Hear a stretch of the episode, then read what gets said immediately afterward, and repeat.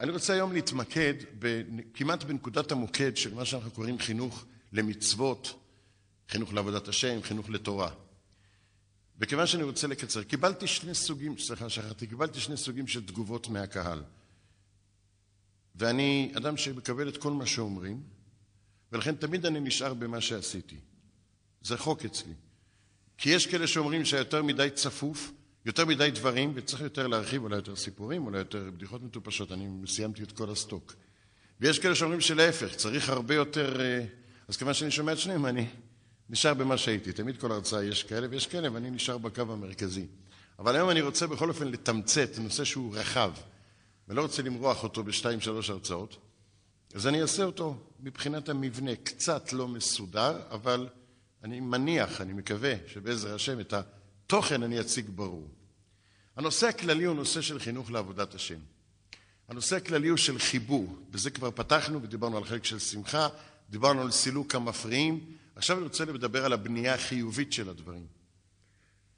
וכדי לצאת ידי אלה ש... שצריכים גם את זה, אז אני אתחיל עם סיפור, ובאמצעות הסיפור אני אסביר את העקרונות. זה לא רק הסיבה, כשיש סיפור או איזו בדיחה מטופשת, זוכרים את הדברים יותר טוב, ככה החוק הוא. אז אני אנסה להבהיר את זה כך. לפני הרבה שנים קיבלתי טלפון מאיזה בחור אחד שהיה בקיבוץ עין שמר, ויחד עם חבר שלו, והוא התחרט. עשה צעד קיצוני, מאוד הצטער עליו, ורצה עזרה לחזור. זה היה כבר השנים שרבותינו אסרו עלינו לרדוף אחרי אלה שיצאו. בתחילת הפעילות אנחנו הלכנו אליהם, בקיבוצים. אחר כך הלחץ נהיה כזה, שאנחנו לא התמודדנו, גם היום לא, אפילו אם לא עם מי שמבקש עזרה. אז אמרו רבותינו, בזמן שאתה מנסה לטפל באחד שלא רוצה, אתה מזניח מניין שכן רוצים. אז נתנו לנו הוראה, מכאן ואילך אנחנו יותר לא מטפלים, אלא במי שפונה.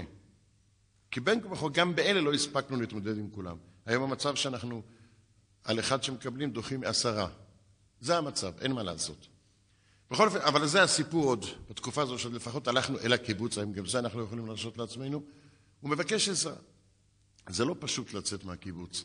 הם סיבכו אותם מסמכים משפטיים, עם הרבה לחץ פסיכולוגי, ההופעה שלהם משתנה. מגלחים היום, שהם כבר התגלחו, קרחות, קעקועים, זה לא פשוט הסיפור. צריך הרבה ניסיון טכני להוציא אותם, אבל בחור מבקש. קבעתי איתו פגישה. כיוון שאני עם עין שמר בקשרים, הייתי באותם שנים כבר ארוכים ומורכבים, אז אה, קבעתי איתו, אמרתי לו שבסוף אה, שדות הפלחה יש שם איזה אסם גדול, ישן, לא משתמשים בו. קבעתי איתו שעה, אנחנו ניפגש שם בשעה הזו. זהו, שמתי את רכבי במקום שאני בדרך כלל שם אותו. אני, כשבאותם שנים, היום כבר בכלל לא מגיע, כשהייתי מגיע לעין שמר, אני לא נכנסתי דרך השער הראשי. מכיוון שמסיבות שמאוד לא ברורות לי, הם, הם, הם לא כל כך חיבבו אותי. הם לא קיבלו אותי ביפה. למרות שאני באופן אובייקטיבי חושב שאני אדם מאוד נחמד וסימפטי, אבל הם כנראה לא קלטו את זה, אז היה, היה בעיות. אז בשביל לא לעורר בעיות של שלום בית ולהישאר בחיים טובים עם כולם, הייתי נכנס מסביב. זהו, החבאתי את רכבי בשעה שהתכוונתי ללכת, ואני מתחיל לעלות, הייתה שם מין גבעה כזו, קלה, שיפוע קל, ואני מתחיל לעלות. וכמו שכתוב בספרי הפיוט והשירה, השמש צבעה בגוון זהוב ארגמני את אה, מרחבי השמיים, והשדות החיטה הזהובה התנופפו במשב הרוח הקל, ואני ככה מדמיין לעצמי בציניות איך הם כתבו, איזה שירים כתבים הם יפ, יפים הם כתבו על זה, ומה אני יודע, התוכן הארסי שמסתתר מעבר לשירה המרגשת הזו. וככה כשאני הולך ומסתכל ומדמיין לעצמי איך הם היו משוררים על זה, אני קצת מתבייש להגיד, אני מקווה שאני לא עובר על אשרי נשוי פשע, כסוי חטאה, אבל אני חייב לספר את הסיפור כמות שהוא. נזכרתי שלא התפללתי מנחה, והשמש עומדת לשקוע, בשביל לדון את עצמי לכף זכות. אני מאוד אוהב לדון את עצמי לכף זכות ברבים, כי בתחום הזה אני מומחה. אז בשביל לדון את עצמי לכף זכות, אני רק אגיד שאני אותם שנים הייתי מתפלל קבוע בישיבה, שפשוט לא היה לי בראש. באותו יום קרתה איזו תקלה טכנית, לא יכולתי להתפלל עם הבחורים, וכיוון שמיהרתי לנסוע אז לא שמתי לב. ורק עכשיו שעומדת השמש לשקוע פתאום. ממש מצב מביך. קודם כל זה תחת כיפת השמיים, זה דיעבד. אין לי איפה לטול ידיים, רק לנקות באפר. והגרוע ביותר, כשאני מופיע בקיבוץ, אני לא מופיע בתלבושת הזו. יש לי הופעה שונה לחלוטין באופן קיצוני, בלי להיכנס לפרטים אה, מביכים ולפגוע בשידוכים של אלה שלא התחתנו אצלי במשפחה. אז לא נוח לי בתלבושת כזו להתפלל, אבל מה אני אעשה? מצא, בקצה הגבעה שם היה שם איזה מין צומת שבילים, היה שם איזה עץ גדול. חשבתי שאני אעמוד תחת נוף העץ ואתפלל. דיעבד. הקדוש ברוך הוא מסבב כל הסיבות. אני לא מספיק לגמור ברכה ראשונה, ופתאום קבוצה של נערים מגיעה. קבוצה של נערים מבני הקיבוץ, גיל תיכון, אני לא יודע בדיוק איזה גיל. עולים שם, אני פשוט עמדתי בצומת של שבילים בלי לשים לב, הם הגיעו מכיוון אחר. ואני לא יודע מה הם חשבו, אבל פתאום ראו לעצמם איזה מין יצור כזה עומד תחת העץ ומתנדנד. אולי חשבו שזה רכז התרבות, אבל עם איזו הפתעה, אני לא יודע מה, מה בדיוק הם חשבו. נעמדו מסביבי. כשראיתי שמתקרבים, אז אה, סגרתי עיניי בכוונה עצומה ותפסתי ידי, וניסיתי ניסיתי להתרכז. אבל הם נעמדו, קיוויתי, התפללתי, התפילה העמוקה מעומק הלב שלי הייתה שימשיכו הלאה. אבל לא, לא התקבלה תפילתי. נעמדו מסביבי והתחילו להתלחש. זה היה בשבילי קצת זעזוע, למרות שהכרתי את החומר הזה, הבורות שלהם. הם לא ידעו מה אני עושה, לא ראו דבר כזה. אחד שואל את השני, מה הוא עושה? מה הוא עושה? אחר כך הגיע אחד שכנראה סבא שלו פעם היה דתי, הוא אמר, הוא מתפלל. אז אחד שואל שם, מה, מה יהיה אם ניגע בו? אולי חשב שזה מעביר חשמל. עכשיו הייתי צריך גם לתפוס את הלחיים שלא... אבל הוא, הוא, הוא לא רק שאל, הוא גם נגע בי. אתה מבין, אני עומד ככה ומתפלל, פתאום מישהו ככה נוגע, לא להפריע, סתם לבדוק, מחקר מדעי, מה, מה קורה כשנוגעים באדם מתפלל. זהו, אני ראיתי שהתפילה שלי כבר אין לי סיכוי. אני גם, תפילת אביננו, לא יכולתי, לא יכולתי להתרכז, להיזכר בה, לעשות חשבון איך כל הברכות נכנסות. חשבתי לעצמי שאני בעוונותיי צריך אה, להפסיק את התפילה באמצע ולסלק אותם, זה בלתי אפשרי ככה. לא ידעתי מה לעשות. כבר החלטתי שזה מה שצריך לעשות. הייתי די מדוכא, כי גם התפילה שלי בדיעבד, ובסוף עוד גם ככה. אבל הייתה לי קצת מבוכה, אתם יודעים, אני עומד ככה, ופתאום אה, לחזור למציאות, אה, איך אני עושה את המעבר? גם זה הקדוש ברוך הוא סידר לי. עד שאני מספיק להסס מה לעשות, פתאום שמעתי מאחורה, מאחוריהם, אבל מהכיוון שהם באו, איזו נהמה כזו משונה, שאני בהפתעה כבר פתחתי את העיניים. הגיע מאחוריהם יצור, שלפי מידת ההבנה המועטת שלי בזואולוגיה, נראה לי שהוא שייך למין האנושי, בגלל שעד כמה שידוע לי הם היחידים שהולכים על שתי רגליים בלי עזרת הידיים ובלי זנב. אבל חוץ מההוכחה המדעית הזו, לא הייתה שום הוכחה שהוא שייך למין האנושי. זה היה משהו מוזר. אני לא מגזים, אני קצת מתאר את זה ספרותי כי אני רוצה לתאר איזה קונטרסט, אבל אני לא מגזים בתיאור. כשהוא התקרב הבנתי מה היה מוזר.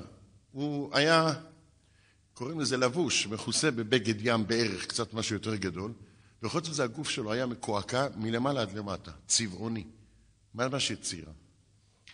וכאן על הגולגולת התנוססה איזושהי יצירה. תשמעו, אני לא מתרגש, אני מכיר את כל הסוגים, יודע את השמות, כל שנה זה משתנה כמובן, אבל, אבל זה היה משהו שלא ראיתי. אני תמיד יודע שככל שה... ככל שהטיפול ב... יותר מוצלח. ככל, בקיצור, ככל שהגולגולת יותר ריקה, הטיפול במה שעליה יותר מפותח. זה חוק ידוע בפיזיקה כמעט, בזו, שלא ראיתי כמוה עלי, עלי אדמות. היה לו מעין הרבה הרבה צמות, דקות, אבל הם עמדו. לא יודע איך הוא עשה את זה, כאילו הוא שם בפנים איזה חוט אה, ברזל סמוי, אני לא יודע. הוא הניע את הראש שלו, זה כנוע צייר מפני רוח. אני באמת הייתי מוקסם מהיצירה, אני לא מגזים, זה משהו יוצא דופן. עכשיו תראו לכם את התמונה הזו, אני נמצא שם, עומד להתפלל מנחה, מבוכה כזו. פתאום הגיע כזה יצור, אתה מצפה שעוד רגע יקפוץ על העץ או יצרח. הוא פתח את הפה שלו, עברית של פיוטי יום כיפור. אלה המילים שלו. הוא אומר להם, איך לא תבושו? תבושו זה בעברית, אני בדקתי במילון. איך לא תבושו? אני מספר לכם את זה היום בפעם החמש מאות אולי, ובכל אופן יש משהו צמרמורת שאני נזכר בזה. תארו לכם את הקונטרסט הזה, כזה יצור, תשמעו איזה עברית. איך לא תבושו להפריע לאדם שעומד בתפילה לפני אלוקיו? אני עד היום הרגשתי ממש צמרמורת, אני... כאילו אני חולם. הם ענו לו משהו, הוא ענה להם עוד משהו, אחר כך העברית שלו ירדה לרמה הרבה פחות ספרותית, אבל הרבה יותר מובנת. הוא מהר מאוד סילק אותם מהאזור, אבל אחרי שסילק אותם, זה אחר כך כשהכרתי אותו, היה לו גמישות לשונית יוצאת דופן, חוש ספרותי באמת, הוא חוזר לדבר אליי בעברית הזו. הוא אומר לי, עמוד פה, סיים תפילתך, אנוכי אשמור עליך. טוב. אמרתי לעצמי, אם אנוכי ישמור עליי, אז אני חייב, אה, נכון, חייב לסיים. איכשהו סיימתי את התפילה שמכפר בדי, השתדלתי, אבל היה קשה מאוד. גמרתי את התפילה, הייתי קצת לחוץ. מצד אחד החבר'ה מחכים לי, מפחדים עוד שיתפסו אותם.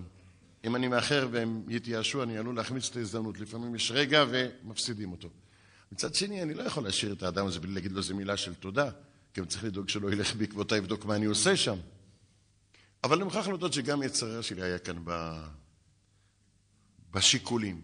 אני מילדותי התעניינתי באנשים. כל אחד יש לו את המחלה שלו. אותי אנשים ריתקו. אמא שלי הייתה אומרת שכולם הולכים לטיול, הכיתה שלי בחיידר, הייתה אומרת שכולם הולכים לראות נוף, ואני הולך לראות איך החברים שלי מתנהגים בנוף. זה, הייתי טיפוס כזה. אז במשך השנים היה לי אוסף של טיפוסים, ודוגמית כזו לא היה לי באוסף. זה מאוד קשה לאספן מקצועי, לראות משהו נדיר, זה מאוד קשה, זה יצר הרע גדול. הרגשתי שאני מוכרח ליצור את הקשר, אני צריך לקלוט את הבן אדם הזה. איזה עברית הוא מדבר, זה לא משהו חולני. ביחד עם זה איזו שפה גסה, הוא דיבר איתם כדי לסלק איתם. וכל ההופעה שלו, זה משהו יוצא דופן. אז החלטתי שאני אשמור איתו את, רק כמה מילים, לשמור קשר, ואני עוד יבוא יום ואני אדוק אותו בהרחקה. לא ידעתי עליו כלום, רק בשביל טיפוס. אז אמרתי לו, תשמע, אני מאוד מודה לך שאפשרת לי לסיים תפילתי, ואני רוצה להגיד לך שאני, שברת אצלי איזה סטריאוטיפ. אמרתי לו, אני, יש לי איזה ידיעה בסיסית על הקיבוץ הזה, עין שמר. אני גם שייך לחוג, אני לא נראה ככה בהופעה שלי, אבל אני שייך לחוג שיש לו היסטוריה עשירה מאוד דווקא עם הקיבוץ הזה. אם היה אומר למישהו שיש בעין שמר, בקיבוץ עין שמר, יצור, אני אמרתי לו יצור, אבל לא התכוונתי בכוונה, אלא ככה יצא לי, איזה יצור כזה שיודע להעריך מושג של אדם עומד בתפילה לפני אלוקיו. אם היו אומרים לי את זה, הייתי אומר, זה לא נכון בביטחון גמור. עכשיו שברת אצלי סטריאוטיפ. אני עכשיו מרגיש שאני לא יודע. הפתעה קיצונית מדי. הוא מגחך, הוא אומר לי, מזה אתה מתפלא? שאני יודע מה זה תפילה? הוא לא אמר תפילה, הוא אמר תפילה. אם קודם אמרתי לכם שהייתה לי צמרמורת, עכשיו אני ממש מרגיש את זה. הוא אומר לי, אני לא מספיק לתפוס את עצמי, הוא אומר לי, אתה יודע באיזה ישיבה למדתי? אתה יודע מי היה ראש ישיבה שלי? אחד מגדולי העובדים שבדור. הנה, עכשיו עמדת בתפילת מנחה. הגמוריה אומרת, ופתאום מדבר בשפרח הזה. בשפה הזו, בדיאלקט הזה, למי שלא יודע מה זה שפרח. הגמוריה אומרת, לא יודע אם זה ירדה מתפילת מנחה, שתי נימוקים שלא קשורים אחד לשני. בגלל אליהו, ובגלל שיש בזה ניסיון, מה הקשר? אמר לי דבר תורה, היית יכול לדמיין שאתה יושב בבית מדרש על ספסל עם, עם אדם מעמיק, חוץ מהתפאורה. לא האמנתי. זה היה דבר תורה, אני לא... רשמתי את זה בבית, לא, לא בשביל הסיפור. סתם, זה באמת מרגלית. באותו רגע אני הרגשתי שאני לא יכול להשאיר אותו בקיבוץ, למרות שזה נגד מה שרבותיי אמרו. אמרו לנו לא להשקיע זמן באחד שלא מבקש, לא ליזום, אבל זה, באותו רגע החלטתי, אני מחזיר אותו, חי או מת, אני מחזיר אותו. אחר כך מה אני אעשה רבותיי? יש תירוצים, נסתדר. אבל בינתיים אני החלטתי שאני אנוס, לא יכול, לא יכול להשאיר דבר כזה בחוץ. אז כמה מילים שאלתי אותו. תגיד לי, אתה מתפלל? כמה זמן הוא בקיבוץ? 13 שנה. אתה מתפלל? איזה שאלות אתה שואל? אמרתי לו, אני מתפלא עליך. ממש מתפלא עליך. הוא אומר לי, מה אתה מתפלא? אמרתי לו, אדם כמוך, שלמד אצל הראש ישיבה הזה, רואים שלמדת, אני שומע שאתה מציג את החידוש הזה, את הדבר תרא הזה. 13 שנה אתה מצליח להתאפק מלהתפלל. איך אתה מסוגל? אני מבין שנה ראשונה, אני מבין שנה שנייה, אחוז בולמוס תאוות, נדמה לך שהעולם הזה נמצא בקיבוץ, אבל אתה כבר ראית מה קרה כאן. 13 שנה. לא קרה לך בלילה שאתה מתעורר, רואה שמיים טהורים, נקיים, בא לך להגיד איזה, לא יודע, להתעטף, לא יודע, להגיד איזה, איזה פרק תהילים. בוקר ככה, אתה רואה איזה זריחה, לא בא לך להתעטף בטלית, תפילין, להגיד איזה משהו, איזה בורכי נפשי אחד. 13 שנה, מתאפק מלהתפלל. תשמע, אתה ממש אדם עם עוצמה. אני עכשיו מדבר ככה, אבל אני באמת דיברתי בפתוס, בהתרגשות רבה, זה לא היה משחק. אני באמת התרגשתי, רק במקום להקפיא את הרגע שאני הפגנתי אותו, אבל באמת, לא, דיברתי יותר ארוך ממה שאני מדבר עכשיו, אבל איך אדם יכול להתפלל? איך אדם יכול להתאפק? וזה קצת, לא קצת, ראו עליו שזה נוגע לליבו, מה שאני אומר. הוא אפילו התעצבן, אומר, די, די, די. עצבן אותו מה שאני אומר. הוא אומר, איזה שטויות אתה מדבר? דווקא בגלל, עכשיו תקשיבו, דווקא בגלל שאני יודע להעריך תפילה, לכן אני לא מתפלל. שומעים? דווקא בגלל שאני יודע להעריך תפילה, לכן אני לא מתפלל. אני בליבי נאנחתי, אני כבר הכרתי את הסיפור, ידעתי מה הוא יגיד, אבל בכל אופן, בשביל הקשר בינינו, אמרתי לו, תסביר. אז הוא אומר, עכשיו תשמעו איזה סוד גדול בקלקול שלנו בחינוך לתורה ומצוות. עכשיו, אמרתי לו, תסביר. אז הוא אומר, היית פעם באיצקוביץ'? אתם יודעים מה זה? מי שלא יודע חסר לו מושגי יסוד ביהדות, צריך לעבור אה, קורס מזורז. ראית שם איך אנשים מתפללים? אני שואל אותך, זה תפילה? זה חילול השם. הוא נראה ככה, אבל כשהוא אומר חילול השם אתה מרגיש שהוא מדבר מהלב. הוא אומר, בא אחד, נכנס, אשרי שבביתך, חוטף על השני את הסידור, בצחוק, עוד ילו חסר לו, דוחף לזה בעיטה מתחת השולחן. זה תפילה? ככה אתה עומד לפני מלך? אם היה עומד איזה חבר כנסת או איזה עיתונאי, הוא אמר מילה לא יפה, אבל אפס, כלומניק, בא לראיין אותו, מדבר ברצינות מכובד. עומד לפני בורא עולם, מלך מלכי המלכים, תראה איך הוא מתפלל. ואם הוא לא סוחב סידור, ולא נותן בעיטה, עומד בחוץ, ריח הדגים מהחנות הסמוכה עופף אותו, מול לוח המודעות, אומר, אתה יודע למה יש שתי שיטות בתפילה, יש כאלה שמתנדדים ככה, ויש כאלה ככה? אמרתי לו, לא. כי לוח המודעות באיסקוביץ' הוא ככה. יש כאלה שקוראים אותו מלמעלה למטה, ויש מימין לשמאל. זה צורה של תפילה? זה חילול השם, אני אומר לך. לדעתי, מכל הציבור שמתפללים, אולי עשר אחוז מתפללים באמת. השאר, יותר טוב שלא יפתחו סידור. לפני שאני ממשיך, העיוות הזה, שעדיף להיות בקיבוץ, נראות כמו שהוא נראה, ולא להתפלל, זה חינוך שאנחנו יוצרים בידיים כל העת, בלי להרגיש. בלי להרגיש. זה כלל מספר אחד. הילדים שלנו מתפללים. בואו נהיה כנים. מי מאיתנו אומר מילה טובה, וכמה פעמים אנחנו אומרים מילה טובה לילד שהוא מתפלל? אני אומר לכם אפס. זה לא בטל ברוב, זה בטל באלף. מתי אנחנו נזכרים להעיר לילדים שמתפללים? כשהם לא בסדר. רק כשהם לא בסדר. לא בסדר, מעירים לו. בסדר, אף אחד לא פותח את הפה. כל מחנך מתחיל יגיד לכם שעל כל הערה אחת שילד לא בסדר, צריך לתת לו מאה או עשרים לפחות שהוא בסדר. כולם יודעים את זה, אבל זה לא כל כך יוצא. מי יש ראש בשביל הילדים? מתי נזכרים? כשהם לא בסדר. נוצר אחד העיוותים הגדולים ביותר שנוצר כתוצאה מזה, שילד מרגיש באבסורד שכשהוא עושה, שכשהוא עושה מצווה, הוא בעצם עושה עבירה. תחשבו רגע. הוא מתפלל או מברך, אף אחד לא מעיר לו. מתי מעירים לו? רק כשהוא לא בסדר. אז תמיד תפילה מתחברת אצלו, אם הוא חושב על אבא או על אמא, על, עם ביקורת, עם הערה. זה מובן? אני אגיד את זה יותר ברור. כשאנחנו התחלנו לטפל עם נושרים לפני כמעט 30 שנה, פחות קצת, תמיד ידענו שיש, יכולנו לתאר את תהליך הנשירה אחרי שהכרנו את המערכת, שהוא תהליך שבהתחלה מלווה בהתחבטויות, בייסורים, קופצים קדימה ואחורה, מאוד קשה. עד ששוקעים בתוך הביצה, עד שמבוססים בתוך הטינופת החילונית, זה מאמץ של שנתיים-שלוש. לפני בערך כבר 15 שנה, אני לא זוכר בעל פה, אבל רשום לנו התאריכים בדיוק, התחלנו להרגיש במשהו שמשתנה. בהתחלה חשבנו שזה מקרה אחד, שתיים, פתאום ראינו שזה משתנה. שנתיים אחרי זה כבר, היום אני יכול להגיד לכם שרוב המקרים הם כאלה. בחור עוזב חיי תורה ומצוות, וזה לא משנה מאיזה חוג, מאיזה חברה, עוזב ביום אחד, ואתה רואה אותו שלב. אתה נפגש איתו רגוע. מקרה ראשון חשבתי שאדם משהו אצלו מעוות. אדם שנשם, ינק, חלב עמו ינק אמונה, קדושה, טהרה, שבת, מצוות.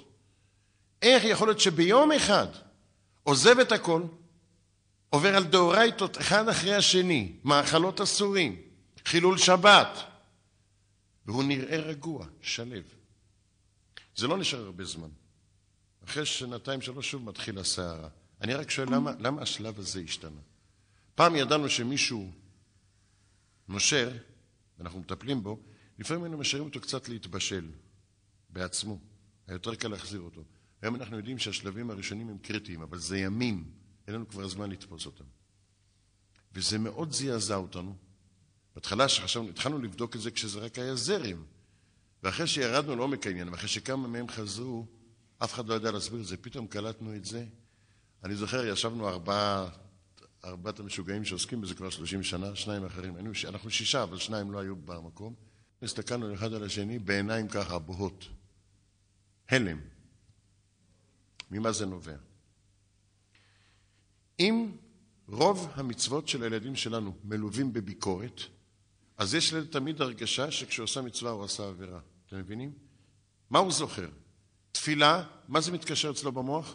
נזיפה פה, צביטה באוזן פה, פרצוף כאן, זה צורה של תפילה? אם הוא מתנתק מתורה ומצוות, פתאום אין לו אסוציאציות, אין לו מה שיזכיר לו את הביקורת, פתאום טוב לו עם עצמו.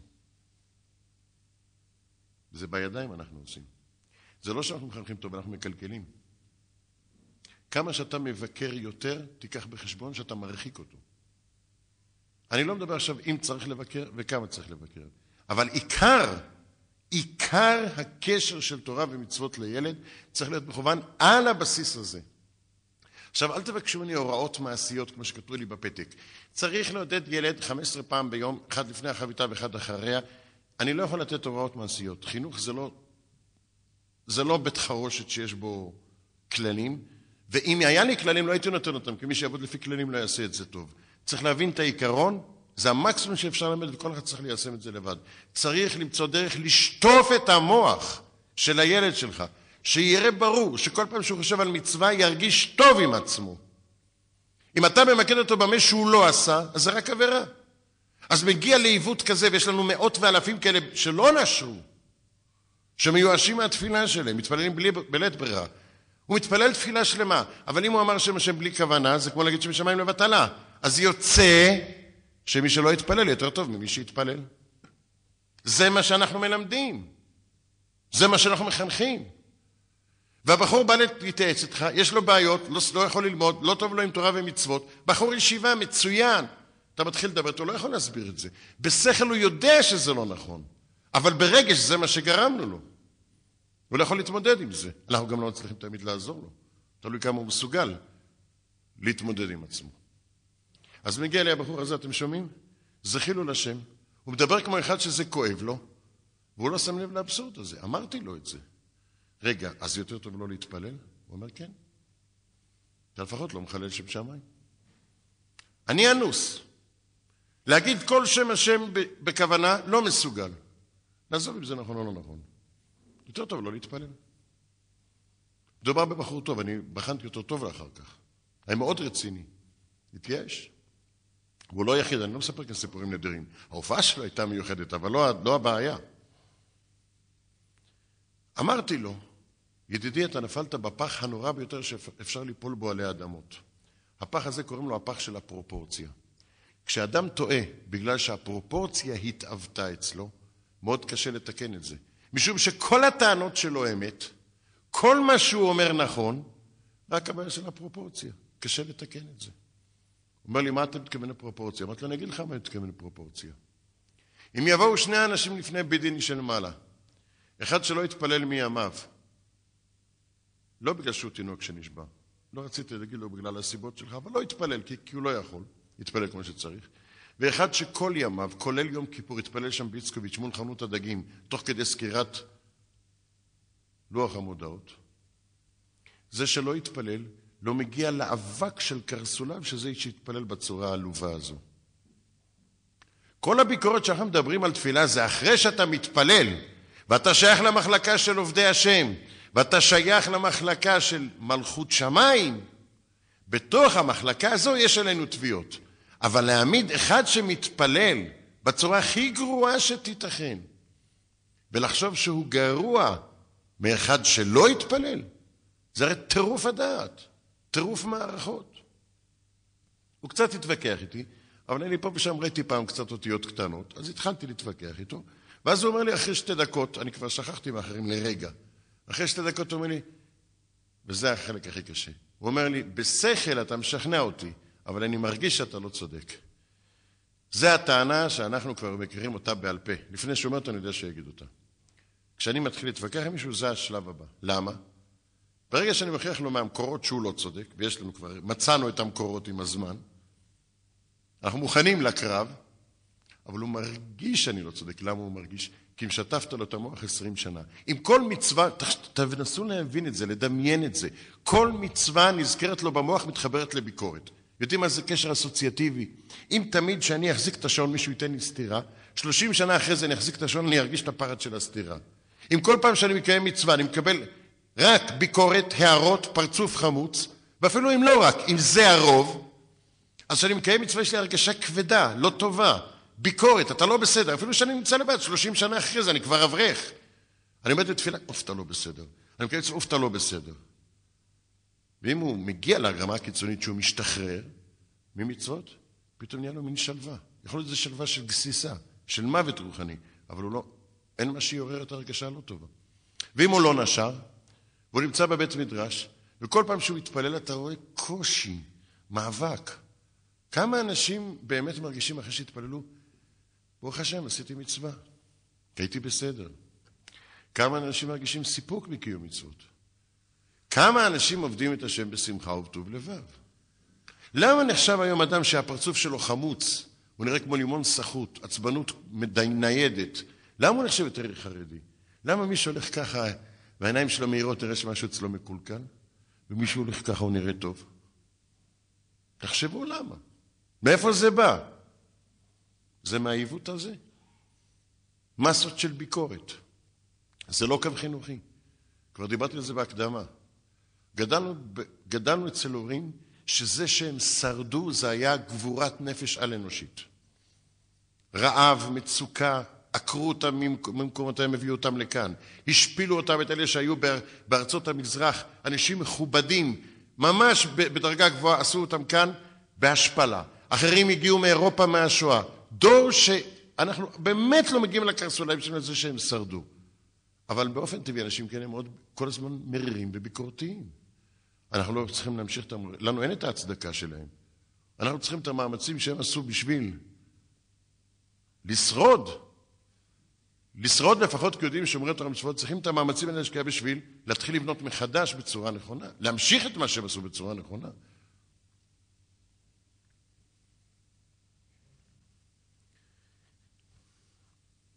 אחרי שהתווכחתי איתו, ואחרי שהוא אמר שבשכל אני משכנע אותו ברגע שהוא מרגיש שאני לא צודק, ידעתי שאני לא צריך להמשיך הלאה. זה חוק, אני אסביר אותו במשפט, זה לא הנושא שלנו. כשאתה נמצא בעימות עם מישהו, יצרת אצלו איזה סדק בחומת ההתגוננות. אל תתעקש להרחיב את הסדק. הוא לא מסוגל כרגע להשתכנע, אתה תתעקש להרחיב, הוא יתגונן, יסתום את זה בחזרה. עדיף להשאיר אותו עם הספק, הספק יתחיל לכרסם בליבו, ירחיב את הסדק. אני מיד עובר לנושא הבא. אמרתי לו, ולו נניח שאתה צודק. אחרי שראיתי שעוררתי אצלו ספק אם הוא צודק בקיצוניות הזו, אמרתי לו, ולו נניח שאתה צודק. אבל, עזוב אותם באיצקוביץ', אתה איך אתה מחמיץ תפילה? אומר, אמרתי לך, בגלל שאני יודע להעריך מה זה, אמרתי לו, אתה לא יודע. תפילה שלך אתה מפסיד? אתה יודע איזה החמצה זו? תפילה שלך. אמרתי לו, אתה מדבר לראש ישיבה שלך. הוא נחשב אצלך מהעשרה המתפללים? הוא אומר, בטח, מהראשונים. ואני אומר לך, שאתה היית מתפלל, עכשיו תפילת מנחה, הראש השיב שלך לא מגיע לקרסוליים של התפילה שלך. אמר לי, מה אתה מדבר שטויות? מה אתה מדבר שטויות? הוא התעצבן. אני פוגע בראש השיבה שלו. אמרתי לו, לא רק הראש השיבה שלך, אתה. אמר לי, מה אתה יודע עליי? אמרתי לו, הרבה יותר ממה שאתה יודע. אני אומר לך, אני אשכנע אותך. אבל אני אומר לך שאני, כואב הלב מה החמצת. תפילת מנחה שלך, לא רק כל שישי ושלך לא יכול להתפלל, גם הבעל שם טוב וגם הגאון מווילנה. אני לא ידעתי ברקע חסידי הוא מתנגד, רציתי להבטיח את כל האגפים. גם הבעל שם טוב, גם הגאון מווילנה לא יכלו להתפלל. אתה יודע מה זה התפילת מנחה שלך? איך אומרים בפיוט? הקריב שי למורה מנחה מרקחה. התפילה שלך, התפילה שלך, אם תפילת מנחה שלך, עולה השמיימה. לא היה אחד מהמלאכים מעז בכלל להתקרב אליה בשביל לבדוק את הכוונות. רק הייתה מתחילה לעלות התפילה, שקט היה משתרר בעולמות העליונים. המלאכים היו נסוגים לאחור. דוד המלך היה מוריד את הכינור. לא, לא, לא להחמיץ איזו הברה אחת. ישר אל כיסא הכבוד. אומר לי, אתה טמבל. על מה אתה מדבר? אמרתי לו, אני מדבר על תפילת מנחה משדות עין שמר. מי היה לו את הזכות עד היום להביא כזו מתנה לפני כיסא הכבוד? נכון, גדול עליו התפללו תפילות נפלאות, אבל סוג כזה של מתנה, אתה יודע איזה רעש זה היה מעורר בעולמות? אני דיברתי בהתרגשות, באמת. הוא התחיל להתנשם. אמרתי לו, איזה החמצה. וכשתעלה תפילת מנחה משדות עין שמר, יהיה איזה מלאך שיעז להתקרב, הוא יישרף. אתה יודע מה? אתה צודק, בעצבנות. אני הולך להתפלל. ובשנייה חוזר להיות בחור ישיבה, אבל נרביסט. יודעים כולם מה זה נרביסט, כן? טוב, אני אלך עכשיו, אבל לא נטלתי ידיים.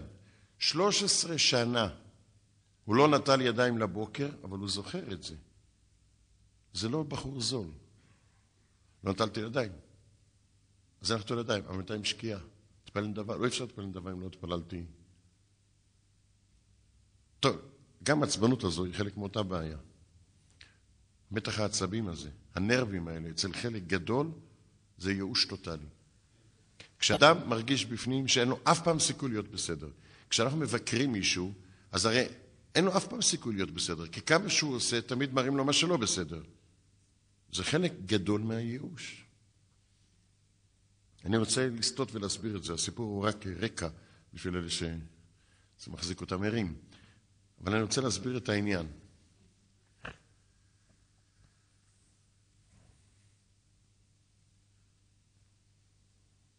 סיפור אחר עכשיו, סוגריים, לא להתבלבל. נפגשתי עם בחור שיחד עם החברותא שלו קמו בהחלטה של שלוש שעות הגיעו לקיבוץ. שלוש שעות. בערב נפגשנו איתם. לא חשוב איך נוצר הקשר. הוא אומר, אני אספר לך את הסיפור שלי. אני מוכן להיפגש איתך, אומר, בגלל ששמעתי בהרצאה שלך את המשפט הזה. אתה אמרת שיותר קל להחזיר חילונים בתשובה מאשר חרדים, שהתקלקלו, משום שחילונים צריכים שתוכיח להם שיש חיים אחר המוות. אם הוכחת לחילוני שיש חיים אחר המוות, הוא חוזר בתשובה. אנחנו צריכים שתוכיח לנו שיש חיים לפני המוות. אתה יכול להוכיח דבר כזה? שמעתי את זה, אמרתי, אתה כנראה מבין את הבעיה, אני מוכן לתת לך צ'אנס. מה הסיפור? אומר, הייתי תלמיד מצטיין מספר אחד בחיידר. מספר אחד.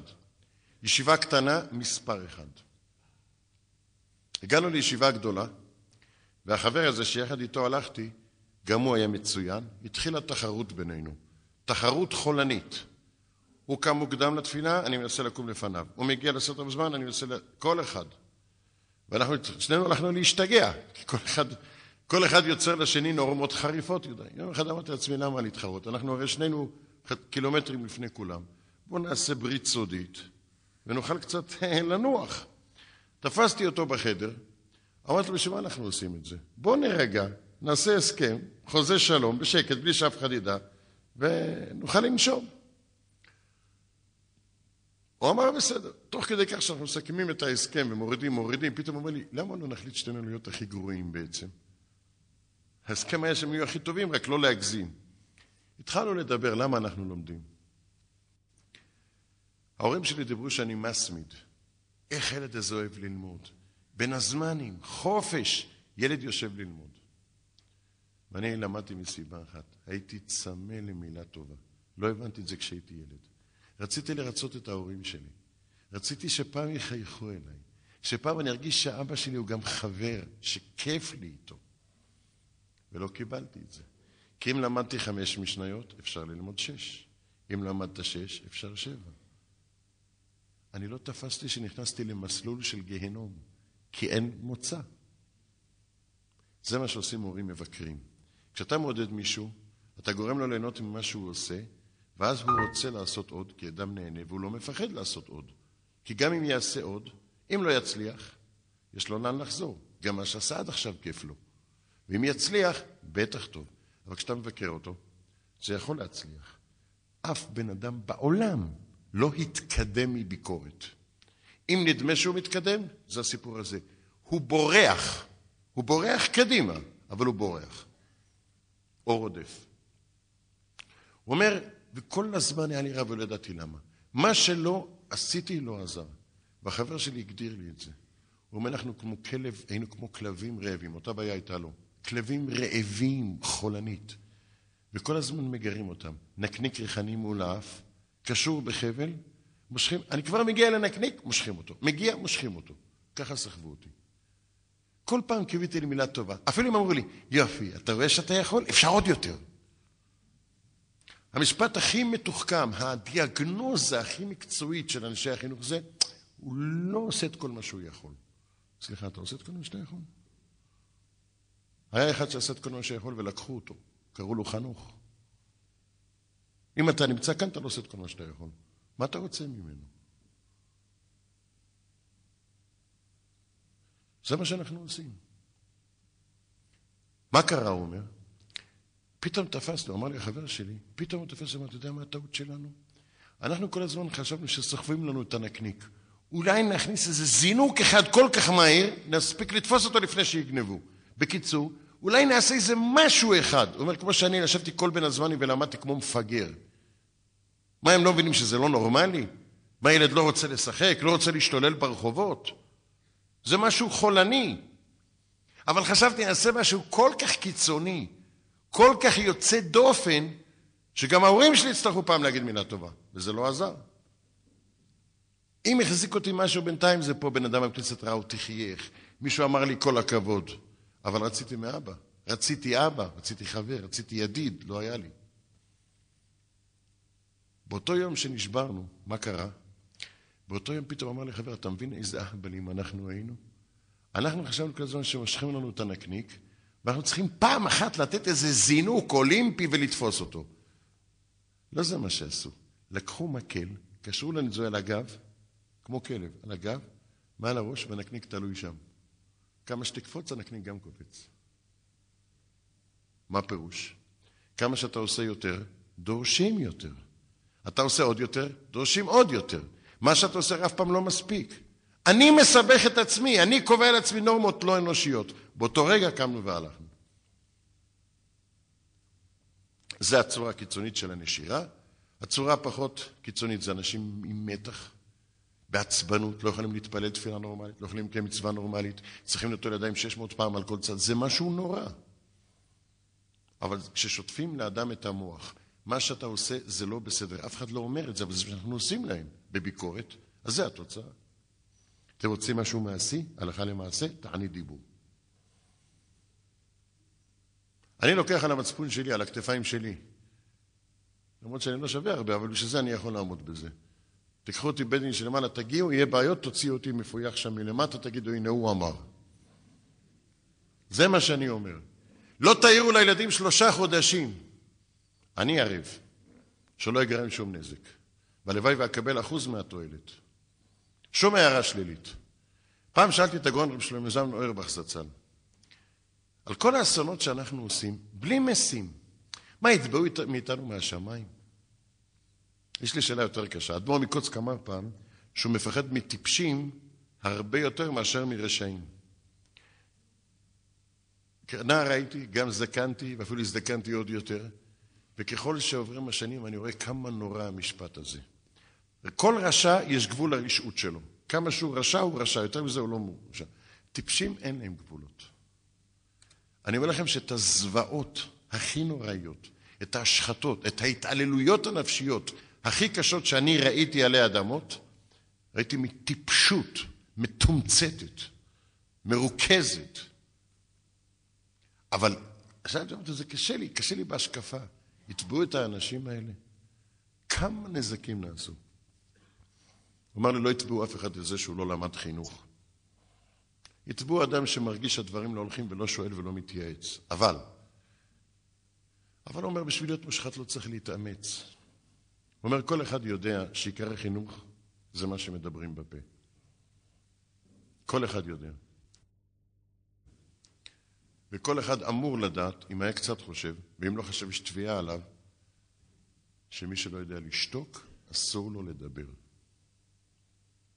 אומר, תביא להם משל. הוא אומר, תביא להם משל. בן אדם רוצה להיות נהג של אוטו גדול, הוא אמר, משאית נגיד. והוא כבר למד איך להזיז את זה, אבל לא, לא למד איך לעצור אותו. כמובן ללחוץ על הברקסים. והוא מתחיל להתאמן, נוסע על המשאית. זה ברור שאם נדרס מישהו רוצח, איך אתה מעז להזיז כשאתה לא יודע לעצור? מי ייתן לך לדבר כשאתה לא יודע לשתוק? כתוב בגאון מווילנה, מפורש באבן שלמה ועוד, שכל מה שאדם מדבר באופן ספונטני, מיידי, זה בא מהמידות הרעות. תבדקו. גם אם הוא אמר את הדברים הנכונים, מה שאתה מיד מגיב כאימפולס, כרפלקס, כתגובה, זה בא מהמידות המקולקלות, לא בא. בחירה זה תמיד דורש טיפה של מחשבה. תבדקו שכל הביקורת שלנו לשם שמיים, כל הנזיפות לשם שמיים, זה התעצבנות, זה כעס. זה לא בא מתוך מחשבה. נחזור לעניין שלנו. אז אם אתם רוצים משהו מעשי, תעני דיבור 40 יום, כנגד יצירת הוולד. אחרי 40 יום תתחילו להתאמן עודד. מי שלא יסתום את הפה, במחילה מכבודכם, לא מדבר עליכם. אני יודע שכאן צדיקים נסתרים, אנחנו דיברנו על זה, אבל אני רוצה שתשפיעו על כלל הציבור, על האחרים שלא זכו אה, להימנות על החוג שלנו. מי שלא ילמד לסתום את הפה באחריות, יש לי הרבה ניסיון של שנים. לא יעזור לו, לא שיחה כזו, לא אלף שיחות כאלה, לא שישב לו איזה נודניק בבית ויעיר לו. אי אפשר. אתה התרגלת לבקר את כל התסכול והמרירות והכעס שלך ועל העולם אתה מוציא על הילדים. זה האמת הפשוטה. זה לא חינוך. אנחנו אנשים עצבנים, מתוסכלים. כל אחד מאיתנו, כל אחד מאיתנו יודע שהעולם היה צריך להתנהל כך, והטמבלים שמנהלים אותו לא התייעצו איתנו. העירו לי פעם שעברה שיש לי סלנג לא מכובד. זה מאוד חשוב שתדעו שאני לא מכובד. אני לא רוצה שתחשבו שאני רב, אני רוצה שתשמעו את הדברים. אם האמת שבדברים משכנעת אתכם, קבלו אותה. ואם לא, למרות הממדים המרשימים שלי, אני מבקש שלא תקבלו שום דבר, אין בזה שום תועלת. צריך לקבל את הדברים אם האמת מדברת אליכם. אז אם אני אזכור, אני אביא לכם עוד כמה מילים לא יפות כדי ש... שתוכלו להצדיק את זה שאתם לא שומעים בקולי. אני לא תמיד זוכר, אבל אני אשתדל בלי נדר לשפר דרכיי. בכל אופן, נחזור לעניין. אני מאוד מודה להערות, אני לא אומר את זה בציניות, זה רק מזכיר לי מה צריך לעשות, אני לפעמים לא שם לב, אז אני, אני מבקש עוד הערות לקראת ההרצאה הבאה. בכל אופן, לא יעזור מאומה, כך הניסיון שלנו. אנחנו עצבניים, אנחנו מתוסכלים, זה המציאות של החברה היום, רוב הציבור. אני אמרתי שוב, רוב הציבור בלי ספק. עכשיו צריך לפרוק את העצבים. על מי תפרוק? על מי? על הראש כולל? על המעביד?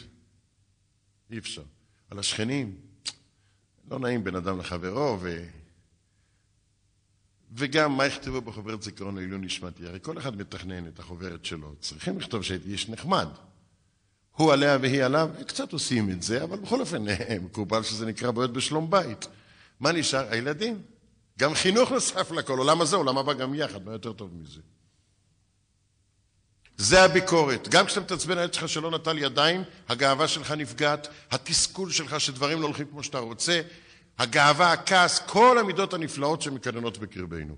וההוכחה היא שזה נשפך לך, שזה תגובה. חינוך זה מחשבה. מה להעיר, איך להעיר. כשם שמצווה לומר דבר נשמע, מצווה שלא לומר דבר שלא נשמע. איך לדאוג שלא יושפל, הוכח תוכיח את עמיתך ולא תישא עליו חטא. צריך לחשוב. ואם לא יודעים, עדיף לשתוק. בלי ספק. הניסיון שלנו, מי שרוצה משהו מעשי, אני מתחייב בפניכם. מי שישים טייפ בבית וימצא שרוב היום הוא מבקר, רוב הקשר של הילדים זה למה, למה, לך, איך אתה מתנהג, למה, למה, זה מה שיש לו לדבר עם הילדים. אני מבטיח לו שאם לא יקבל על עצמו לשתוק, מי שלא מסוגל לראות את הפשע הנורא ביותר של אלה, שיהרוס את כל הקריה הזו מהמסד ועד הטפחות, ולא מסוגל לסתום את הפה, לא תצליח לחנך. באחריות. עכשיו נחזור. יש לחץ, זה לא קל, אני בעצמי עשיתי את זה. אבל הצטברו לי הרבה מילים, אני פורק אותם כאן. זה אחד הפתרונות הנפלאים. אתה יכול לשפוך מה שאתה רוצה. אפשר לצאת החוצה לצעוק ברחובות, תתחילו לחנך את אנשי הקריה, תחזירו בתשובה את חברי הכנסת, תעשו מה שאתם רוצים, לא בבית. בבית זו שאלה מסוכנת. הלאה. אני חוזר לבחור דנן. אחרי שאמרתי לו את זה, ואחרי שתפילת מנחה נתקענו, אז הוא אומר, אתה יודע מה, נתפלל מהעריף. אמרתי לו, בסדר. בסדר, סיכמנו תפילת ערבית, אנחנו יודעים להיפרד, אני אומר לו, תן לי את המספר טלפון שלך, אז באותם שנים הכניסו טלפונים בביתנים לכל אחד. מיד ראיתי ניצוץ חשדני בין ריסי עיניו. למה אתה רוצה את הטלפון שלי? אני יודע מה פשר החשד הזה. גם בזה, לצערי, אנחנו מנוסים. אני רוצה להסביר את זה, זה קשור לנושא. כמעט כל בחור שאין לנו קשר איתו, באיזה שלב פתאום קמה השאלה. למה בכלל אתה עוזר לי? מה אכפת לך ממני? והשם יכפר בעדינו, למרבה הכאב, ממש בכאב אני אומר, שבשלבים הראשונים לא קלטנו שזו שאלה קריטית, גורלית. היו לנו בחורים שכבר התגלגלנו איתם ארבעה וחמישה חודשים. היו כבר 60-70 אחוז בדרך חזרה, וכאן עשינו שגיאה. גל... אני לא, לא מרגיש אשמה, אבל מגלגלים חובה על ידי חייו ודאי, או לפחות לא זכינו להיות מגלגלים זכות על ידי זכאי, נפלו לנו מהידיים. עד שהקדוש ברוך הוא רחם עלינו וגילה לנו, גילה את תשומת ליבנו שיש כאן בעיה. מה הבעיה? הבעיה היא שהמכנה המשותף לכל החבר'ה האלה זה שעולם של עבודת השם זה עולם של מרירות, של קושי, של דיכוי, של לחצים, ונדמה להם שהעולם האחר מציע כיף, בילוי, שמחה.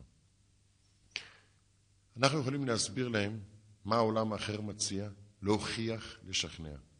ואנחנו מציעים להם עולם חדש של עבודת השם. עבודת השם בשמחה, בסיפוק, בטוב לבב. אבל בשלב מסוים הם לא מאמינים לנו. הם מכירים את העולם הזה. הם חושדים בנו שאנחנו מפילים אותם בפח. טומנים להם מלכודת. זאת אומרת, גם אנחנו יודעים בעצם שלהיות חרדי זה דיכאון עלי אדמות. נראה שגן עדן זה בכלל מקום שבו בוכים כל הזמן, לפי ההמשך הטבעי של מה שקורה כאן. ואנחנו פשוט רוצים לבנות את העולם הבא שלנו על חשבונם. אנחנו כאילו מרמים אותם, מפתים אותם, יפלו בפח, ייכנסו עוד פעם למסגרת החונקת שלנו, ו... ואנחנו את העולם הבא שלנו נבנה על חשבונם. זה החשד. ואם אתה לא מצליח לשכנע אותו שזה לא נכון, אתה יכול להפסיד אותו ברגע האחרון. בהתחלה לא ידענו, אחרי זה למדנו. יש לנו כל מיני טכניקות ושיטות לענות, אבל הוא היה כישרוני, היצור הזה שעליו אני מדבר. כבר בפגישה הראשונה, רבע, חצי שעה, הוא כבר שואל את זה, אף אחד לא עשה את זה. אז הדרך הכי טובה הייתה במקרה הזה, אנחנו קוראים לזה הפוך על הפוך, כך קוראים לזה בעברית צחה תורנית, הפוך על הפוך. מה פירוש? כשמישהו חושד בך, ואתה מודה בחשד, ברבים הוא כבר לא יכול לחשוד. זאת אומרת, אני אמרתי לו בפירוש, הוא אמר לי, למה אתה רוצה את הטלפון שלי? אמרתי לו, אני רוצה לנצל אותך. עכשיו הוא מתבלבל, הוא חושב שזה מה שאני מסדר אותו, אבל אם אני אומר את זה כבר לא יכול לחשוד. הוא אומר לי, מה פירוש? אמרתי, לנצל, ניצול, אתה לא יודע מה זה ניצול? שמנצלים? מה עושים לך כאן בקיבוץ 13 שנה? לא מנצלים אותך בתור חמור עבודה. גם אני רוצה קצת, אם אפשר לרכב עליך, למה אני לא אקח סיבוב? הוא אומר לי, אבל מה פתאום שאני אסכים? אמרתי לו, קודם כל, למה הסכמת להם? עוד אחד, מה זה, בטל ברוב. אבל חוץ מזה אני חושב שגם, יכול להיות שגם לך יהיה כדאי. תבדוק. אני רוצה לנצל אותך, אבל תבדוק אתה אם אתה גם מרוויח מזה, אז כדאי לך. אומר לי, טוב, מה אתה מתכוון? אמרתי לו, אתה יודע מה, אין לי זמן עכשיו לדבר, ואנחנו עוד לא בשלב הזה. קח אתה את הטלפון שלי, אני לא אקח את הטלפון שלך, קח אתה את שלי. אם תרצה, תתקשר, נדבר בטלפון. לא תרצה, לא נתקשר. נתתי לו איזה כרטיס, הוא אומר לי, כן, אבל מה אתה מתכוון לנצל? אמרתי לו, זה אני לא אגלה לך. הסיכוי היחיד שתתקשר אליי זה הסקרנות. אם אני אגלה לך עכשיו גם את זה, אני אפסיד. לא מגלה. הוא אומר לי, אתה יצור מוזר. הסתכלתי עליו, אמרתי, נכון. שלום. נפרדנו. הלכתי לשם, ברוך השם, הצלחנו מה שהצלחנו, ואני מוכרח להודות שחיכיתי לטלפון ממנו. זה מאוד מוזר, אני עצלן חולני. כל עבודה שאני לא חייב לעשות, אני ממש... הסיבה היחידה שאני עובד קשה זה בשביל הכיף, כשאני פתאום, איזו פגישה מתבטלת או משהו לא יוצא, זה ממש שמחת חיי. והפעם חיכיתי. עבר כמעט חודש, לא קיבלתי את להגיע אליו, ואז מגיע הטלפון. אחד הדברים המיוחדים בטיפוס הזה, הוא מתחיל לדבר בטלפון כאילו השנייה הזו גמרנו את השיחה הקודמת, לא מציג את עצמו, לא אומר על מה מדובר. תגיד, מה התכוונת לנצל אותי? רגע, סליחה, ממי אתה? מה אתה? ת, ת... אבל אני מיד זיהיתי, ואז החלטתי שעכשיו זה הזמן. אמרתי לו, עכשיו אני מציג בפניכם, מה החלק שכן צריך להתחבר לרגש. אמרתי לו, תשמע, זה סיפור ארוך להסביר לך. סיפור ארוך מאוד. יש לך זמן? הוא אומר, כן. אמרתי לו, אתה עומד או יושב? הוא אומר, תשב, קח כוס מים ותשב. ישבתי גם, אני התחלתי לספר לו סיפור. אני בינתיים הספקתי לברר עליו. הספקתי לברר עליו. בישיבה אמרתי לו, אני רוצה לספר לך משהו. גם אני כמוך למדתי בישיבה. גם אני כמוך הייתי מתמיד. אהבתי ללמוד. אהבתי ללמוד. בחיים שלי לא חשבתי שיגזר עליי לעסוק בדברים אחרים. אבל ברוב טיפשות, זה האמת, אני לא אספר באריכות, סיפרתי לו את זה מאוד באריכות. אני רוצה להסביר, מה, השיקול שלי היה להזכיר, להחזיר לו את האווירה של הישיבה. אני לא יכול לעשות את זה באופן ישיר. אז כאילו סיפרתי לו על עצמי. אבל דיברתי על הלילות, שאתה פתאום, שהראש מתפוצץ מכאב, אבל אתה מריח את הריח של, של הגמרא, אתה... פתאום נדמה לך שהרבה קיבר הגיע, יושב לידך, פתאום התחלתי לדבר על הרגשות האלה, לצאת אחרי, אחרי סוגיה עם כאב ראש, אבל וואי, אני יודע את זה, קלטתי משהו, להבין משהו. כל הרגשות שאפשר לתאר, כל מי שלמד יודע ומי שלא למד לא יעזור מה שאני אגיד. את כל האווירה הזו ניסיתי להכניס לו. סיפרתי לו כאילו על עצמי, זה היה תירוץ. אמרתי, אבל ברוב טיפשותי יום אחד למדתי על זכירות המשה שישי, ויום אחד יצאתי מהחדר, למדנו, הכנו את השיעור, ושמעתי שניים מדברים עליי, בלי שהם שמו לב, אמרו, או, זה, זה כיף לו, גם חברמן, גם זה, גם לא מדבר שישי, וגם... ופתאום בטיפשות המטופשת של גיל הנעורים התחלתי לחשוב נרבים, שזה לא לשמה וזה, החלטתי שאני הורס את השם שלי. ממש שיגעון, השם יכפר בדי. אני מספר את זה בדם, אבל זה מה שהיה. התחלתי ללמוד, החלטתי שאני לומד בלילה, אף אחד לא ידע. 11 בלילה הייתי הולך, מתחבא שם באיזה חדר מאחורי האויצר, הדלקתי רק פלורסנט אחד עם הנרבים שאולי הישיבה לא מרשה, אז אני צריך לממן את הכסף, וכסף לא היה לנו אז, ולמדתי. חודשים כך למדתי. כל הלילה, עד וסיקין. הייתי הולך להתפלל בבית כנסת בבני ברק, הולך לישון, אחרי ארבע שעות קם, מגיע לבית מדרש עם עיניים אדומות, מתנדנד כמו שיכור, וכולם התחילו לעבור, לעזור לי. המשגיח קטן הסביר לי שזה לא דרך, והבוחרים הסבירו לי שאני הגזמתי עד עכשיו, והנה עכשיו, אף אחד לא ידע, ואני הייתי מבסוט. חולני. חולני. למדתי, חשבתי שאני גומר ש"ס. הספקתי חלק משמעותי, אבל לא נשאר מזה כלום. אני יכול לספר על זה אפילו לא גאווה, זה רק טיפשות. אחרי כמה חודשים הלכתי יום אחד למקווה יום שישי בבני ברק, ופתאום באמצע רחוב בקיר נהיה לי מסך שחור מול העיניים. זה פחד נורא. מכוניות סופרות מהומה, ואני לא ראיתי מה שנעשה. עמדתי ככה רועד, אפילו אני שכחתי שצריך לעבור במעבר חצייה, אל תקפידו עליי, אז לא אפילו את מי לשאול.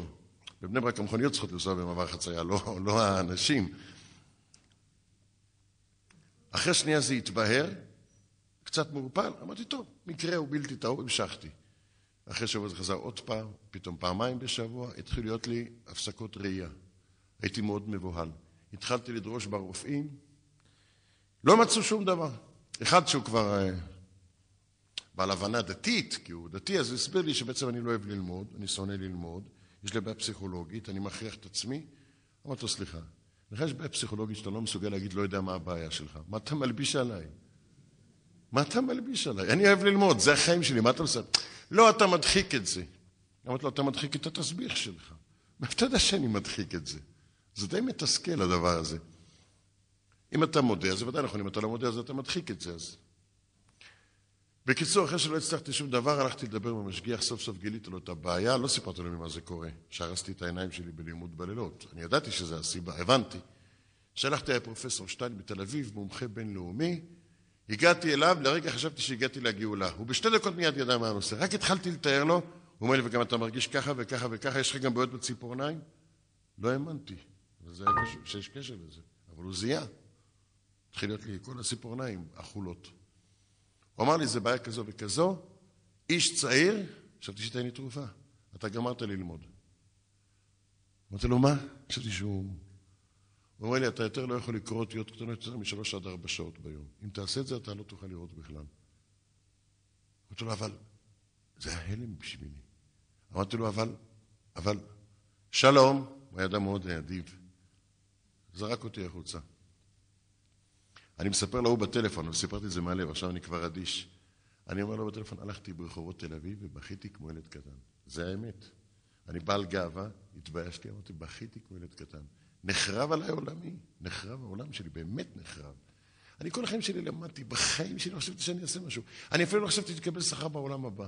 היה לי כזה כאן שלא הטריד אותי כל כך העולם הבא. ופתאום הכל נגמר. סיפרתי לזה, אבל כשסיפרתי את זה סיפרתי בכאב. היום אני כבר מספר באדישות, למרות שזה לא קל.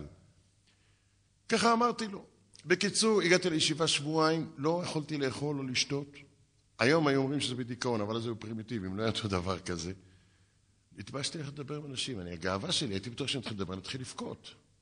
אחרי שבועיים קצת התאוששתי, הלכתי לבוקר ורבי הגון הרב אברמסקי, וסיפרתי לו, קיוויתי בליבי שיעשה משהו. אני יקה, הוא בריסקר. הסיכוי שבריסקר יעשה מופת ליקה, זה נראה כמו בריאת העולם מחדש. אבל בלית ברירה, זה מה שקיוויתי. ואז הרגשתי שמוריד לי פטיש חמש קילו על הראש. הוא אומר לי, מקום ראשון בעבודת השם, אחרי תרא זה חינוך. לך תלמד חינוך. זהו, זה היה גזר דין מוות בשבילי. אמרתי לו, אבל...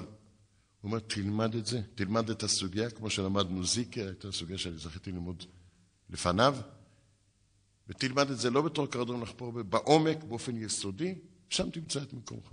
ככה סיפרתי לאותו אחד, אני אספר לו בטלפון את הכל. לקח לי חודשים להתאושש. אבל לקח לי חודשים להתאושש. אבל אחרי חודשים, אחרי שנכנסתי לזה, אז אמרתי, זה גזירת הקדוש ברוך הוא, זה התפקיד שלי, ואמרתי לו, והיום אני גם יודע לשמוח בחלקי. אבל גם היום, וזה אמת, אם אני רואה מישהו יושב ולומד באמת, עולות לי דמעות של קנאה בעיניים. אני לא מדבר על מחממי ספסלים. יש כאלה שחושבים שספסלים מיותמים ומחממים אותם במרץ. אני לא מדבר על זה, לא מקנא בהם. אבל אחד שלומד באמת, אני מקנא בו. מה אני מנחם את עצמי? נחמה פורתא.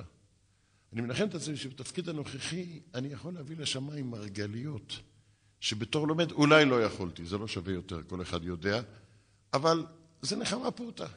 מה המרגליות? אז אמרתי לו, למשל, תפילת מנחה בעין שמר. אני אומר לעצמי, התפילה שלך תעלה לשמיים, ואני מספר לו את כל מה שסיפרתי עד עכשיו. התפילה שלך תעלה לשמיים. אחרי שהיא עולה, המלאכים מתחילים להתלחש, מה זה, איך זה הגיע? מה, מי? ואז גם השם שלי ככה, הוא מזכירים גם את השם שלי, ואני כמו שאומרים, יתפוס בזנב שלך ויעלה למעלה. הגזמת, הוא צועק. פעם ראשונה הוא מתערב, הוא כותב לי, בטוח שהוא מקשיב בכלל. זה שלושת רבעי שעה הסיפור היה. אמרתי לו, מה הגזמתי? שאין לך זנב? זה רק אה, מטאפורה. אומר, אתה חושב שאני יורם? אתם יודעים מה זה יורם? פעם היה ביטוי כזה. אתה חושב שאני יורם? אני, לפי המספר שנתת לי, יש לי חבר, אז היה רשות הדואר, לא קראו לזה עוד בזק, הוא בירר לי, אני ביררתי עליך, אני יודע מי אתה. אתה אל תספר לי שאתה צריך אותי בשביל לעלות למעלה, אני יודע מה אתה עושה, מה אתה פועל.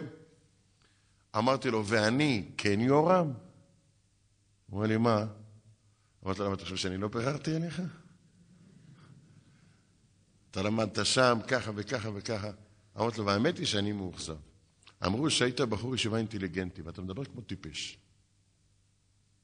הוא אומר, למה? אמרתי לו, איך אתה יודע למדוד בני אדם? מה הסנטימטר שלך לקבוע שאני צריך את הזכויות שלך, שאתה צריך את שלי ולא אני את שלך?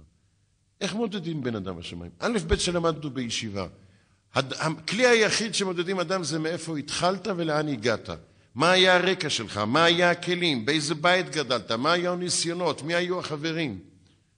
אתה לא יודע שיכול לעמוד אדם עם זקן ארוך, מרביץ תורה ברבים, ובקצה בית הכנסת עומד אחד שלא מבין מילה בקושי יודע לקרוא תהילים, והרב לא מגיע לקרסוליו?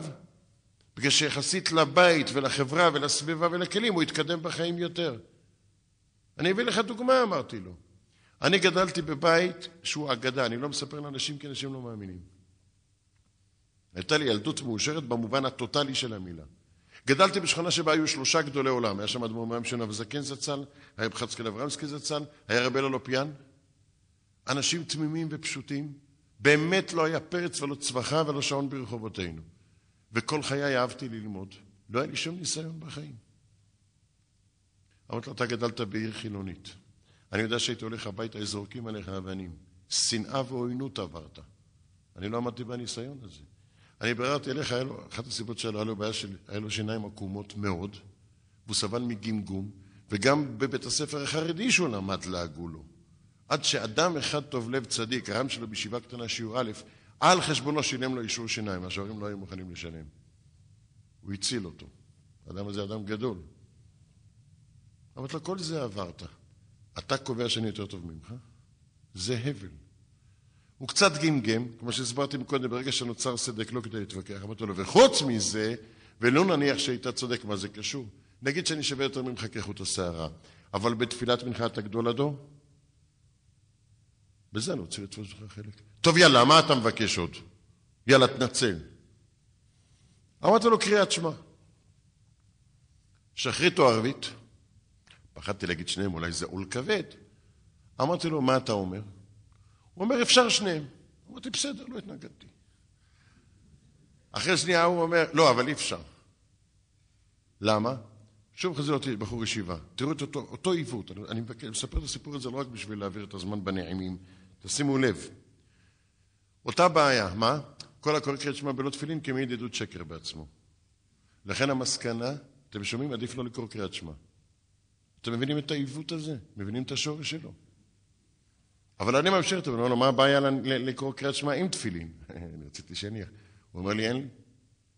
לפני 13 שנה, הוא אומר, הגעתי לקיבוץ, קברתי אותם באדמה. אין לי תפילין. אמרתי לו, אני אביא לך תפילין. היה אסור לי, זו הייתה עבירה מספר שתיים. אנחנו שקענו בחובות. מאוד קשה להתאפק. אתה רואה שבאלף דולר, חמשת אלפים דולר, אתה מציל בן אדם, קשה לו להוציא את הכסף. שקענו בחובות. היה לי 11 שנים של הרצאה רק לכסות את החובות. אבל אז כבר, רבותיי, אסרו עליי. אז הרב שטיימן אמר לנו, אני אוסר עליך להוציא אגורה מכיסך, זה יהיה מצווה הבאה בעבירה, לא יהיה ברכה בזה. מה אני אעשה עכשיו עם זה שהתחייבתי? נסתדר אחר כך, לא יודע, אני מבקש מהרב אה, שיסלח לי רטרואקטיבית, אבל אני אמרתי את זה בתור ניסוי, עוד לא הוצאתי את הכסף, עוד לא אני אקנה לך תפילין. הוא אומר לי, איזה תפילין בחנות בטח, אתה רוצה להכשיל אותי בביטול, בשתי ברכות לבטלה בבוקר ובכל יום? זה לפחות לא נכשלתי, מאז שנכנסתי לקיבוץ, אף ברכה לבטלה לא אמרתי. זה מצחיק, אבל זו אותה בעיה.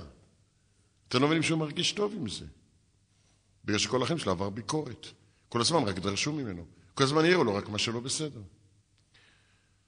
אמרתי לו, איזה תפילין אתה רוצה? התחיל לתת לי רשימה, חשכו עיניי, 1,300 דולר עלו לי התפילין. רוצה את זה שעושה את הבתים שם עם החומרי הזו, שלא שם את הברזל בהתחלה בהטבעה. אבל הייתה, הבאתי לו את התפילין בסוף. הייתה לי בעיה, איך הוא קשר את זה שם למעלה על ה... על ה... אבל שלמה זלמן אמר לנו לא להתערב בדברים האלה. אז לא התערבתי, הבאתי לו את התפילין, ולא עברו שבועיים, הוא מתקשר אליי וכדרכו מיד מדבר, אומר, תגיד, הוא לא אומר מי הוא, זה לא חציצה? חציצה, למי שלא מבין. אני, אני אפילו לא יודע מי מדבר, אומר לו, רק רגע. אה. עכשיו, מה אני אענה לו? אני לא יודע כמה שנים, כמה אומנים עבדו על היצירה הזו, אני לא יודע מה הניסיון. אז ניסיתי להתחכם. אמרתי לו, רגע, ואם זה חציצה, מה אפשר לעשות? כי זו בעיה קשה.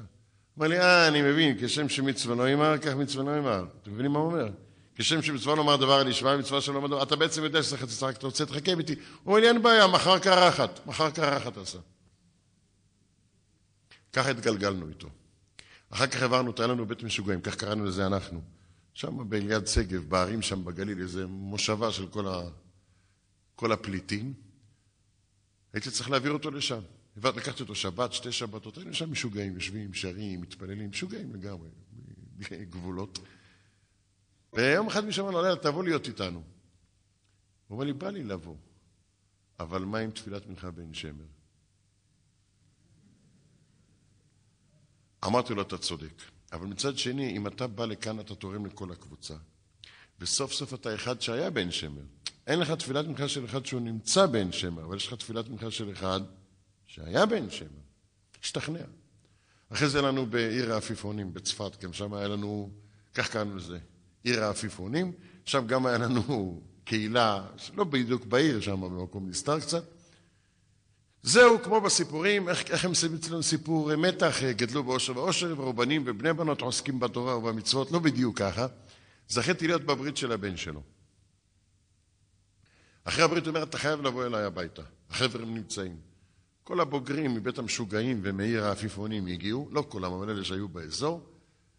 ישבנו שם ככה כמה ברכות, ואז הוא אומר, עכשיו באתי, תפסתי אותך במלכודת. אנחנו החלטנו שאנחנו מפילים אותך במלכודת, עכשיו אתה תענה על השאלה, אחרת אתה לא יוצא מכאן. אמרתי, תן לי קודם ווליום ללב. הוא אומר, זה השאלה. מי אתה באמת? אמרתי, תעודת זהוי? אתה הכי תמים שבעולם או הכי ערמומי שבעולם, אבל לא באמצע. אמרתי לו, תסביר את השאלה. הוא אומר, אני אסביר לך בדיוק את השאלה. אתה זוכר תפילת מנחה בעין שמר? אמרתי לו, אני יכול לשכוח, אני כבר בהרצאות חזרתי על זה 60 פעם. הוא נתן לי רשות. אמרתי לו, אני יכול לשכוח את זה? הוא אומר עכשיו יש לי שאלה.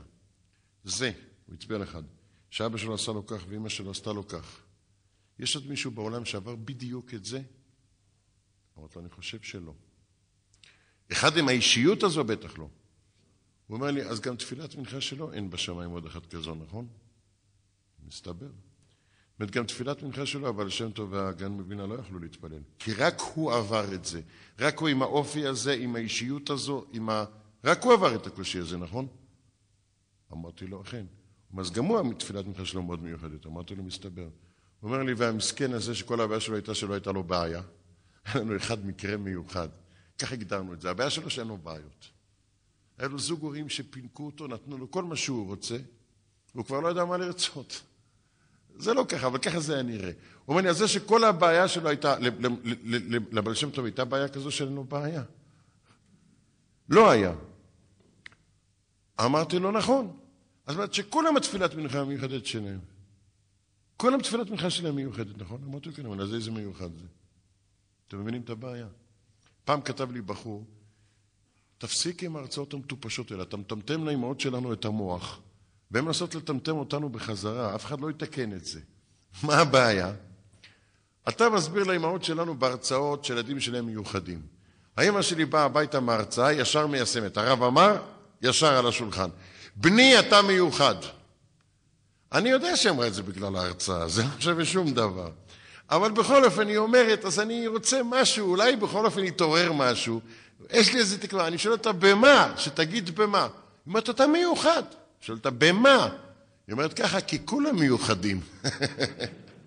איזה מיוחד נפלא.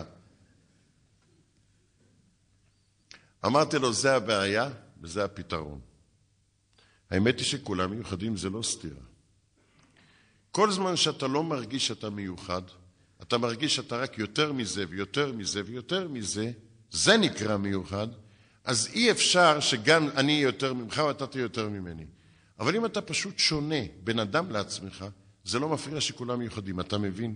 למשל, יש לי 50 כיסאות. להגיד לכל כיסא שהוא מיוחד כי יושבים עליו זה בלתי אפשרי. אז מישהו יגיד שיושבים עליו יותר נוח, זה, אם כולם כיסאות, הדבר היחיד שאתה יכול להגיד שכל אחד מיוחד זה שיושבים עליו יותר נוח, אז אי אפשר להגיד את זה על כולם. אבל אם יש לי על השולחן בקבוק וכובע ושעון וסטנדר, כולם מיוחדים. אין תחרות ביניהם. זה שהשעון מיוחד לא מפריע לכובע. מה הכובע יגיד לשעון? אני יותר שחור ממך? והשעון יגיד לו, אני רץ יותר מהר ממך? יגיד לו, הכובע רץ זה לא טוב. נכון? שעון שכולו שחור גם לא טוב. לא יודע אם הכובע כן טוב, אבל ככה התרגלנו. חינוך לתורה ומצוות. זה כל הסוד, בהרצאה אחת. הימנעות מהשגיאות שדיברתי, עידוד, עידוד, קבוע. אבל עידוד זה לא הרצאה, זה לא סיפור כמו שסיפרתי. זה לשים לב בקביעות, לשטוף לילד את המוח. הוא מתפלל, וואי, כיף לשמוע אותך. סליחה, מי שזה לא תואר לי, כיף לשמוע אותך. עכשיו זה בסדר? איך גשמק. עכשיו זה בסדר? סליחה שאני עושה את זה ככה, אבל תאמינו לי שיש לי סיבה. נסו לדון אותי לכף זכות. צריך לשמוע את האמת, ולא את ההצגה. את התוכן ולא את הצורה. גם אם אני מדבר לא יפה. אל תקשיבו בגלל שאני אמרתי. למרות שאני, זה ראשי תיבות אני, נרו יאיר, כידוע. אל תקשיבו לזה. תקשיבו לתוכן. אם זה משכנע, תעשו, אם לא, אל תעשו. הלאה. תגיד לו, נהניתי לשמוע, אני שמח. תחזור הביתה מהתפילה, וואי, אני מרגיש יש מי שעוזר לי בתפילה. עידוד זה רק כך. אלפי הערות קטנות, לא הרצאות. זה לא, אף אחד לא מאמין לזה, זה לא אמיתי. בגובה העיניים. ואל תספר לו מה אתה, תגיד לו מה זה עושה לך. נהניתי, שימחת אותי, תענוג לשמוע, עמדתי, ראיתי אותך. תקרא עוד פעם את המשנה הזו. וואי, זה עושה לי טוב על הלב. זהו. רק ככה מחנכים. אבל בשביל להגיע לזה צריך קודם לסתום את הפה במחילה מכבודנו. והחלק האחרון, אתה רוצה לגדל גדול? אתה רוצה לגדל אדם גדול באמת? אל תחשוב שאתה גוזל ממנו משחקים, או צועק עליו יותר, או סוחט אותו יותר, הוא יגדל. הוא יברח קדימה עד שזה יתפוצץ. לגדל אדם גדול זה להקשיב לילד באמת, שירגיש שכשהוא אומר משהו, יש לו סגנון חשיבה משלו. יש לך מה לשמוע. אל תעמוד ותסביר לו שהוא זכה לאבא כזה, אשריו אשרי חלקות, לא ככה מסבירים, אני אסביר לך. לא זה הפירוש, אני אסביר לך. אל תהיה כל יכול יודע הכל. אם תקשיב לילד, למה אתה חושב כך? אפילו שהוא מדבר על שטויות. אתה רוצה לגדול אותו מגיל קטן? למה אתה חושב כך? מעניין. אם ילד ירגיש שיש לו מחשבות שאתה מתעניין בהן, הוא יפתח את החשיבה הייחודית שלו. תקשיב לילד, תקשיב להרגשות שלו, וכשהוא גודל יותר, תן לו את כל מה שאמרתי עכשיו בסיפור הזה, ביום-יום. אם הוא מביע איזה קנאה של תחרות, תדע לך, אין לך תחליף בעולמו של הקדוש ברוך הוא. ששת אלפים שנה הקדוש ברוך הוא לא שם בעולם נשמה כמוך. ואפילו אם כל האנשים ימלאו תפקידם, יגלו כבוד שמיים, יבנו כתר מלכות, אם אתה תהיה חסר, יהלום בכתר חסר. אף אחד לא יכול למלא אותך. אם אדם חי, גם ביחס אליו, גם בהרגשה את זה, יוכל לגדול. ואם לא, עדיף שלא נרחיב. לילה טוב.